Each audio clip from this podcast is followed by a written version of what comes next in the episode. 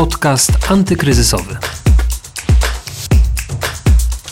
Justyna Smolińska, dzień dobry, zapraszam na nowy podcast antykryzysowy, w którym porozmawiamy trochę o sytuacji w gastronomii. Jak wyglądał ten rok 2020 w tej branży, jak może wyglądać ten nowy rok w restauracjach i kawiarniach, które lokale ucierpiały najbardziej wskutek pandemii i związanych z nią obostrzeń. No i porozmawiamy też oczywiście o jedzeniu zamawianym do domu. Ile zamawiamy, co zamawiamy i za ile. A naszym gościem jest Arkadiusz Krupicz, współzałożyciel i dyrektor zarządzający Pyszne.pl. A zaczniemy od tego, co przysparza teraz branży największych problemów. Jak właściciele restauracji i kawiarni reagują na niepewność i przedłużające się obostrzenia? Posłuchajcie sami. Ja myślę, że obie te rzeczy oczywiście miały bardzo duży wpływ. Ten rok był bardzo trudny dla gastronomii. Nie pamiętamy wcześniej takich sytuacji. I oczywiście, jeżeli moglibyśmy wcześniej zaplanować, mielibyśmy czas na to, lepiej się przygotować, to zdecydowanie pomogłoby to branży. W pierwszym momencie, kiedy zamknięto restauracje, czyli to było w marcu, tak naprawdę restauracje zostały zmierzone z nową sytuacją. One wcześniej w wielu przypadkach nie miały dowozu, bazowały głównie na klientach w lokalu, a teraz nagle tych klientów nie było. Ograniczono działalność gospodarczą, restauracje z przymusu musiały tak naprawdę skupić się głównie na dowozie i odpowiedzieć sobie na kilka pytań. Tak naprawdę one nie miały czasu, żeby przygotować do tych pytań. Musiały się zastanowić nad tym, co teraz robić.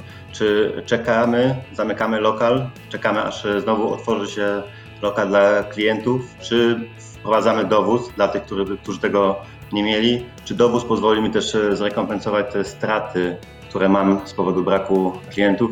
Jak robić ten dowóz? Jeżeli ktoś wcześniej nie robił tego dowozu, to ciężko nauczyć się i zbudować sobie bazę lojalnych klientów do tego dowozu, żeby tych zamówień było jak najwięcej. Więc w krótkim czasie e, w zasadzie zostali postawieni przed faktem e, dokonanym i musieli się na nowo zorganizować, mając bardzo wysokie koszty stałe, jeżeli chodzi o lokale, jeżeli chodzi o pracowników, więc to ten pierwszy lockdown sprawił, że były w bardzo trudnej sytuacji i musiały sobie jakoś z nią poradzić. Po tym pierwszym lockdownie bardzo poturbowani przeszli. Wiedzieliśmy, że będzie drugi lockdown, ale mimo wszystko nie było widać jakiegoś specjalnego przygotowania też e, ze strony rządu, więc drugi lockdown po tym, jak te restauracje jeszcze nie zdążyły się odbudować na dobre, zaraz e, pojawił się drugi lockdown, który został wprowadzony tak naprawdę z dnia na dzień, czyli lokale kupiły już wcześniej sobie, zatowarowały się na weekend, czyli to są wiele tysięcy złotych, które zainwestowali i z dnia na dzień nagle lokale zostały zamknięte. Te produkty w wielu przypadkach musiały po prostu zostać oddane albo pójść do śmieci, więc tak naprawdę też, żeby odpowiedzieć sobie na pewne pytania, czy trwać, czy otwierać lokal, czy przeczekać, trzeba by wiedzieć też, ile potrwa ten lockdown. I na początku tego nie było wiadomo. Na początku było powiedziane, że potrwa dwa tygodnie, teraz jest cały czas przedłużany. Teraz słyszymy gdzieś tam, że branża gastronomiczna będzie otwierana dopiero na końcu razem z, z hotelami. Prawdopodobny termin to jest gdzieś tam koniec marca, kwiecień, ale nadal nie mamy jakby potwierdzenia, więc żyjemy w dużej, dużej niepewności. Też te wcześniejsze zapowiedzi, które rząd robił o strefach, w zależności od liczby zakażeń, one też się nie spełniły, bo mimo, że ta liczba zakażeń trochę spadła, teoretycznie powinniśmy być w pewnym momencie w żółtej strefie, lokale nadal są e, zamknięte, więc to jest bardzo, bardzo trudny czas dla biznesu, kiedy nie można tak naprawdę nic zaplanować i nie można tak naprawdę prowadzić swojej działalności, a koszty nadal są stałe. No właśnie, a jakby miał Pan powiedzieć, który lockdown był dla branży gastronomicznej trudniejszy? Czy ten wiosenny, czy jednak ten obecny, dlatego że no jest to kolejne zamknięcie czy właśnie to, że on jest tak przedłużany po prostu też bez zapowiedzi? Który z tych lockdownów jest bardziej dotkliwy i który może pogrążyć po prostu gastronomię bardziej? Wydaje mi się, że zdecydowanie ten e, drugi lockdown, bo w ten pierwszy mieliśmy jeszcze jakieś tam zapasy, te długi, w jakie restauracje wpadły, były mniejsze aniżeli teraz. E, one jeszcze restauracje nie zdążyły odrobić tego, co straciły, bo też trzeba podkreślić to, że restauracje tak naprawdę nie poszły na łatwiznę. Chciały utrzymać swoich pracowników, to są oczywiście potężne koszty i szukały wszelkich sposobów, żeby tak e, zrobić. I jeszcze nie odbudowały się tak naprawdę, zaczęły wychodzić gdzieś tam powoli z długów, a ten drugi lockdown je po prostu dobił. I w tym momencie też e, no, wielu restauratorów jest po prostu zdesperowanych i nie dziwią te zapowiedzi otwarcia restauracji. Oczywiście można jakby w pełni zrozumieć, dlaczego akurat tak się dzieje. Oni też mają wybór, albo będą po prostu walczyć w sądach, albo po prostu muszą pogrzebać swój biznes, który tak naprawdę budowali przez wiele lat, który utrzymywał nie tylko ich, ale też ich pracowników, rodziny. Które restauracje radzą sobie lepiej w czasie pandemii, które przechodzą przez tę pandemię w miarę suchą stopą, jeśli można tak w ogóle powiedzieć, a które nie radzą sobie kompletnie, bo wspomniał Pan o tym, że część restauracji nie miała tego zaplecza, jeśli chodzi o dowóz posiłków, mhm. czy wydawanie posiłków na wynos, co ma wpływ na to, czy restauracja sobie radzi, czy nie. Czy wielkość restauracji, rodzaj serwowanego jedzenia, długość istnienia na rynku, czy właśnie to, że na przykład wcześniej korzystały już z Waszego serwisu, czy z podobnych rozwiązań i teraz radzą sobie lepiej po prostu? Wydaje mi się, że jeżeli nie możemy bazować na klientach w lokalu, a tylko na dowozie, na, na wynosie, to oczywiście im mniejszy był udział tych e, wywozów, tym trudniej restauracja sobie oczywiście teraz mogła poradzić. Szczególnie jeżeli chodzi o restauracje przykładowo fine diningowe. Te dania nie nadają się po prostu na dowóz. No i tutaj bardzo ciężko zrobić taki pivot i nagle dopasować swoje menu i zacząć e, dowozić. Więc im większy był ten udział e, już początkowo tego dowozu w ogólnym przychodzie restauracji, tym restauracje łatwiej mogły sobie z tym e, poradzić, bo mieli już jakieś doświadczenia w tym dowozie, mieli też swoje menu, które było częściowo, przynajmniej częściowo w niektórych przypadkach całkowicie dopasowane do tego dowozu i dzięki temu mogli ten dowóz dalej rozwijać. A znowu lokale, które tego dowozu nie miały, musiały postawić sobie wiele pytań i często było tak, że też lokalizacja centrach miast przykładowo wiąże się oczywiście z ogromnymi kosztami. Tutaj chodziło, żeby dowóz zrekompensował oczywiście koszty, pozwolił utrzymać, nie mówimy o, jakimś, o jakichś zarządcych zyskach, ale o utrzymaniu biznesu. Więc jeżeli mamy wysokie koszty stałe, czyli lokale zlokalizowane w centrach, to one gorzej sobie radziły niż te lokale, które są mniejsze, zlokalizowane poza centrum miasta i które w dużej mierze już bazowały na dowozie. Dużo też zależy oczywiście od elastyczności danej restauracji, od kadry menedżerskiej, od kreatywności. E, mieliśmy takie lokale, które na początku nie oferowały w ogóle tego dowozu. I tutaj przykład też z Wrocławia e, Młoda Polska, czy Tomka Czudowskiego też nowy koncept, które bazując na swojej wiedzy stworzyły nowy koncept e, nastawiony na dowozy, który też cieszy się jakby teraz dużą popularnością, więc kilka, kilka aspektów. Przede wszystkim ten udział dowozu, kreatywność i też oczywiście kuchnia, którą wcześniej oferowaliśmy i ta zdolność taka do szybkiego dopasowania i, i czas reakcji restauratorów. Jedni z restauratorów byli na początku zaskoczeni tym lockdownem, chcieli przeczekać, inni od razu myśleli, co może mogą zrobić w tej sytuacji, żeby jak najszybciej zacząć e, działać. Te wszystkie aspekty oczywiście wpłynęły później na, na ich wyniki. Przejdźmy do tego, jaki ten rok był dla Was, jaki rok był dla Pyszne.pl. Wy w czasie pandemii radzicie sobie bardzo dobrze i jest to oczywiste. To jakby miał Pan powiedzieć, jak to wygląda u Was i co się zmieniło w tym czasie, jeżeli miałby Pan porównać ten rok do tego poprzedniego? Dla nas sama pandemia nie była niczym dobrym. My pracujemy wspólnie z restauratorami. Jeżeli branża radzi sobie świetnie, my też jakby sobie w tej, tej branży poradzimy. Oczywiście ten lockdown spowodował, że jest więcej zamówień z dowozem, ale też wiele restauracji chce się zamknąć, czyli ta oferta, ta podaż, czyli długoterminowo, to też jakby będzie miało negatywny wpływ na nasz biznes. W marcu, kiedy zamknięto restauracje, kiedy ludzie zaczęli robić ogromne zakupy, kiedy w sklepach e, widzieliśmy puste półki, My też e, mieliśmy spadek obrotu, który później zaczął się odbudowywać, ale to był też czas niepewności nie tylko dla, dla restauratorów czy innych biznesów, ale też e, dla nas. My tak naprawdę nie wiedzieliśmy, czy te zamówienia początkowo się odbudują, czy się nie odbudują, czy ten dowóz będzie cały czas możliwy, czy być może zaraz jakaś będzie zmiana i on zostanie jakoś ograniczony.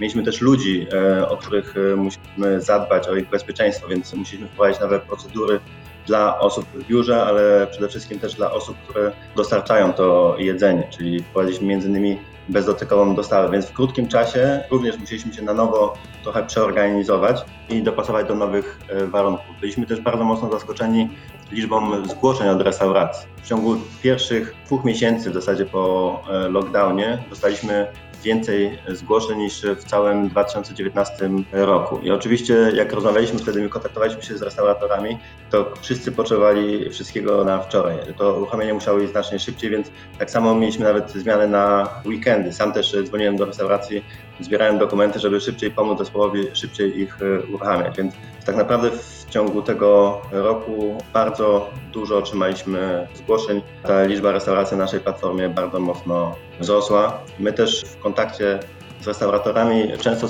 słyszeliśmy tak naprawdę, że oni do tego dowozu zostali jakby zmuszeni, że oni wcześniej nie chcieli tego robić, świadomie z tego rezygnowali i teraz nie mieli czasu, żeby się do tego tak naprawdę przygotować. To też była dla nas inspiracja do stworzenia takiego poradnika, żeby nie tylko wrzucić tą restaurację na platformę naszą, ale też pomóc jej e, podpowiedzieć, e, wesprzeć doświadczeniem, jak te dowozy powinna organizować. Więc e, to był na pewno na pewno bardzo burzliwy czas i na pewno dużo, dużo pracy. Intensywny rok dla Was, ale wspomniał Pan, że mieliście dużo nowych zgłoszeń. To ile takich nowych restauracji pozyskaliście w tym roku? Jeśli miałby tam Pan porównać też z rokiem poprzednim, to jak duży jest to wzrost? W 2020 roku do naszej platformy dodaliśmy około 3,5 tysiąca restauracji dodatkowo do tego, co mieliśmy, czyli to był taki wzrost netto. To było w zasadzie no, kilkukrotnie wyższa liczba niż, niż normalnie. A czy zmieniło się też to, co zamawialiśmy my jako klienci? Ile zamawialiśmy, ile dostaw wy realizowaliście w roku 2020 w porównaniu z rokiem poprzednim? Czy zmieniło się to, co zamawialiśmy? Początkowo po tym takim krótkotrwałym, można powiedzieć, e, spadku zamówień, ludzie jakby zaczęli wracać do dostaw. Oni też byli świadomi tego, że restauracje są bardzo, w bardzo trudnej sytuacji i chcieli też e, im pomóc. To, co najczęściej jest zamawiane i przed lockdownem, i w czasie lockdownu, to jest oczywiście pizza. Ta pizza w dowodzie bardzo dobrze smakuje, jest czymś, czym e, łatwo możemy się podzielić z rodziną, ze znajomymi, ona też jakby w dalszym ciągu króluje. Oprócz tego oczywiście burger, czy też taka kuchnia polska bardzo, bardzo dobrze się sprzedawała, czyli coś, co jakby dobrze znamy, to co lubimy, to coś, co daje nam taki powiedzmy komfort emocjonalny. Jeżeli chodzi o wartość zamówień, ona nieznacznie wzrosła, ale też co obserwowaliśmy, to tak naprawdę wcześniej te dni tygodnia, jeżeli chodzi o liczbę zamówień, te dni weekendowe, szczególnie niedziela, były zdecydowanie lepsze niż stałe. W czasie pandemii e, widzieliśmy większe wypłaszczenie i też przez to, że ludzie nie pracowali w biurach, to tych zamówień podczas e, lunchy było nieco mniej, one się przesunęły na późniejszą godzinę. Też to, co zauważyliśmy, że wiele, wiele osób zaczęło też e, korzystać z ofert restauracji wegetariańskich czy wegańskich tak naprawdę też raportu, jaki robiliśmy, co druga osoba w Polsce od czasu do czasu też je tylko roślinne dania i to też jest taki kierunek, który zyskuje na, na znaczeniu. On już jakby zaczął zyskiwać przed pandemią, ale w trakcie pandemii ten, ten trend został utrzymany. Jakie jeszcze zmiany znajdą w gastronomii już teraz, po tym roku 2020? Jesteśmy w 2021, więc e, czym on będzie się różnił? Co zostanie z nami na dłużej? I czy nadal Pana zdaniem tak silny będzie ten trend e, zamawiania jedzenia do domu, czy może jeżeli tylko te restauracje zaczną się otwierać, to spragnieni tego wychodzenia po prostu rzucimy się jednak na to, żeby wyjść z tego domu i usiąść normalnie w restauracji. Ja myślę, że zamawianie jedzenia nigdy nie zastąpi wychodzenia do restauracji. My po prostu e, ludzie tak są skonstruowani, że lubią się spotykać, lubią e, rozmawiać, lubią e, dzielić się jedzeniem, więc już teraz nawet widać po tych restauracjach, które nawet w czasie pandemii otworzyły, że te restauracje miały już swoich klientów, więc jak tylko otworzą restaurację, jestem przekonany, że ludzie bardzo chętnie wrócą do tego nawyku i nawet w tym pierwszym okresie na pewno będą częściej wychodzili niż robili to wcześniej, będą się spotykali ze znajomymi, będą chodzili na na, imprezy, do restauracji, to na pewno z nami pozostanie i to się nie zmieni. I jedzenie z dostawą nigdy nie będzie w stanie dać takiego samego jakby doświadczenia. Te restauracje zawsze z nami będą, ale to, co się na pewno zmieni, my przez jakiś czas na pewno będziemy bardziej ostrożni i będziemy postrzegali ze strony biznesowej ten dowóz jako coś, co pomaga nam trochę zdywersyfikować kanały sprzedaży i coś, co po prostu warto mieć, bo wiele restauratorów w czasie tej pandemii zaczęło robić dowozy, wcześniej tego nie robiło, ale też zaczęli dostrzegać potencjał w tych e, dowozach. I z wieloma restauratorami rozmawialiśmy i oni nawet e, tworzyli też e, koncepty, które po pandemii zamierzają rozwijać. Tutaj też pandemia zmusiła ich niejako do tego, żeby bardzo mocno bardzo krytycznie podeszli do swojego biznesu, czyli zobaczyli, jakie mają koszty, jak mogą te koszty zredukować. No i tutaj Oczywiście, jeżeli chcemy mieć dowóz, to do dowozu nie potrzebujemy mieć bardzo dużego lokalu. Te lokale mogą być mniejsze, mogą być nastawione na dowóz, więc e, takich lokali też spodziewamy się, że będzie powstawało więcej. Poza tym też ze strony konsumenta wiemy, że bardzo wielu użytkowników pierwszy raz z taką intensywnością korzystało z tych e, rozwiązań, czy to zakupów produktów spożywczych, czy zamawiania jedzenia przez internet, czy robienia zakupów. I podczas tej pandemii przekonali się o zaletach tych rozwiązań i po prostu będzie większy popyt. Ten rynek e-commerce na pewno się rozwinie. Po prostu ta pandemia przyspieszyła ten rozwój o kilka lat. I też digitalizacja rozwiązań w restauracji, czyli restauracje będą szukały na pewno tego, czego szukają klienci, czyli strona internetowa, aplikacja to tak, jest taka podstawa. Wielu restauratorów się o tym przekonało. Klienci też będą szukali takich rozwiązań jak Skip the Queue przykładowo, gdzie możemy to szybciej zamówić nie czekając, gdzie możemy wygodnie odebrać zamówienie jadąc do domu, tak jak są na przykład te drive-thru. Tego typu rozwiązania będą na pewno się rozwijały. Przez jakiś czas będziemy też zwracali większą uwagę na higienę i bezpieczeństwo, więc lokale będą też o tym informować w restauracjach. Na pewno też być może zwiększy trochę dystans między niektórymi stolikami. Zobaczymy, jak długo to zostanie, ale na pewno będzie taka potrzeba. Też nowe, nowe sposoby płatności, czyli taka digitalizacja usług i ten e-commerce na pewno będzie wykorzystywany w większym stopniu niż do tej pory. Dziękuję bardzo za rozmowę. Naszym gościem był Arkadiusz Krupicz, współzałożyciel i dyrektor zarządzający Pushna.pl. Dziękuję bardzo. W dzisiejszym odcinku to już wszystko. Kolejne rozmowy na stronie pb.pl ukośnik antykryzysowy i w aplikacjach podcastowych w każdy wtorek i czwartek. Zapraszam Was do słuchania. Podcast antykryzysowy.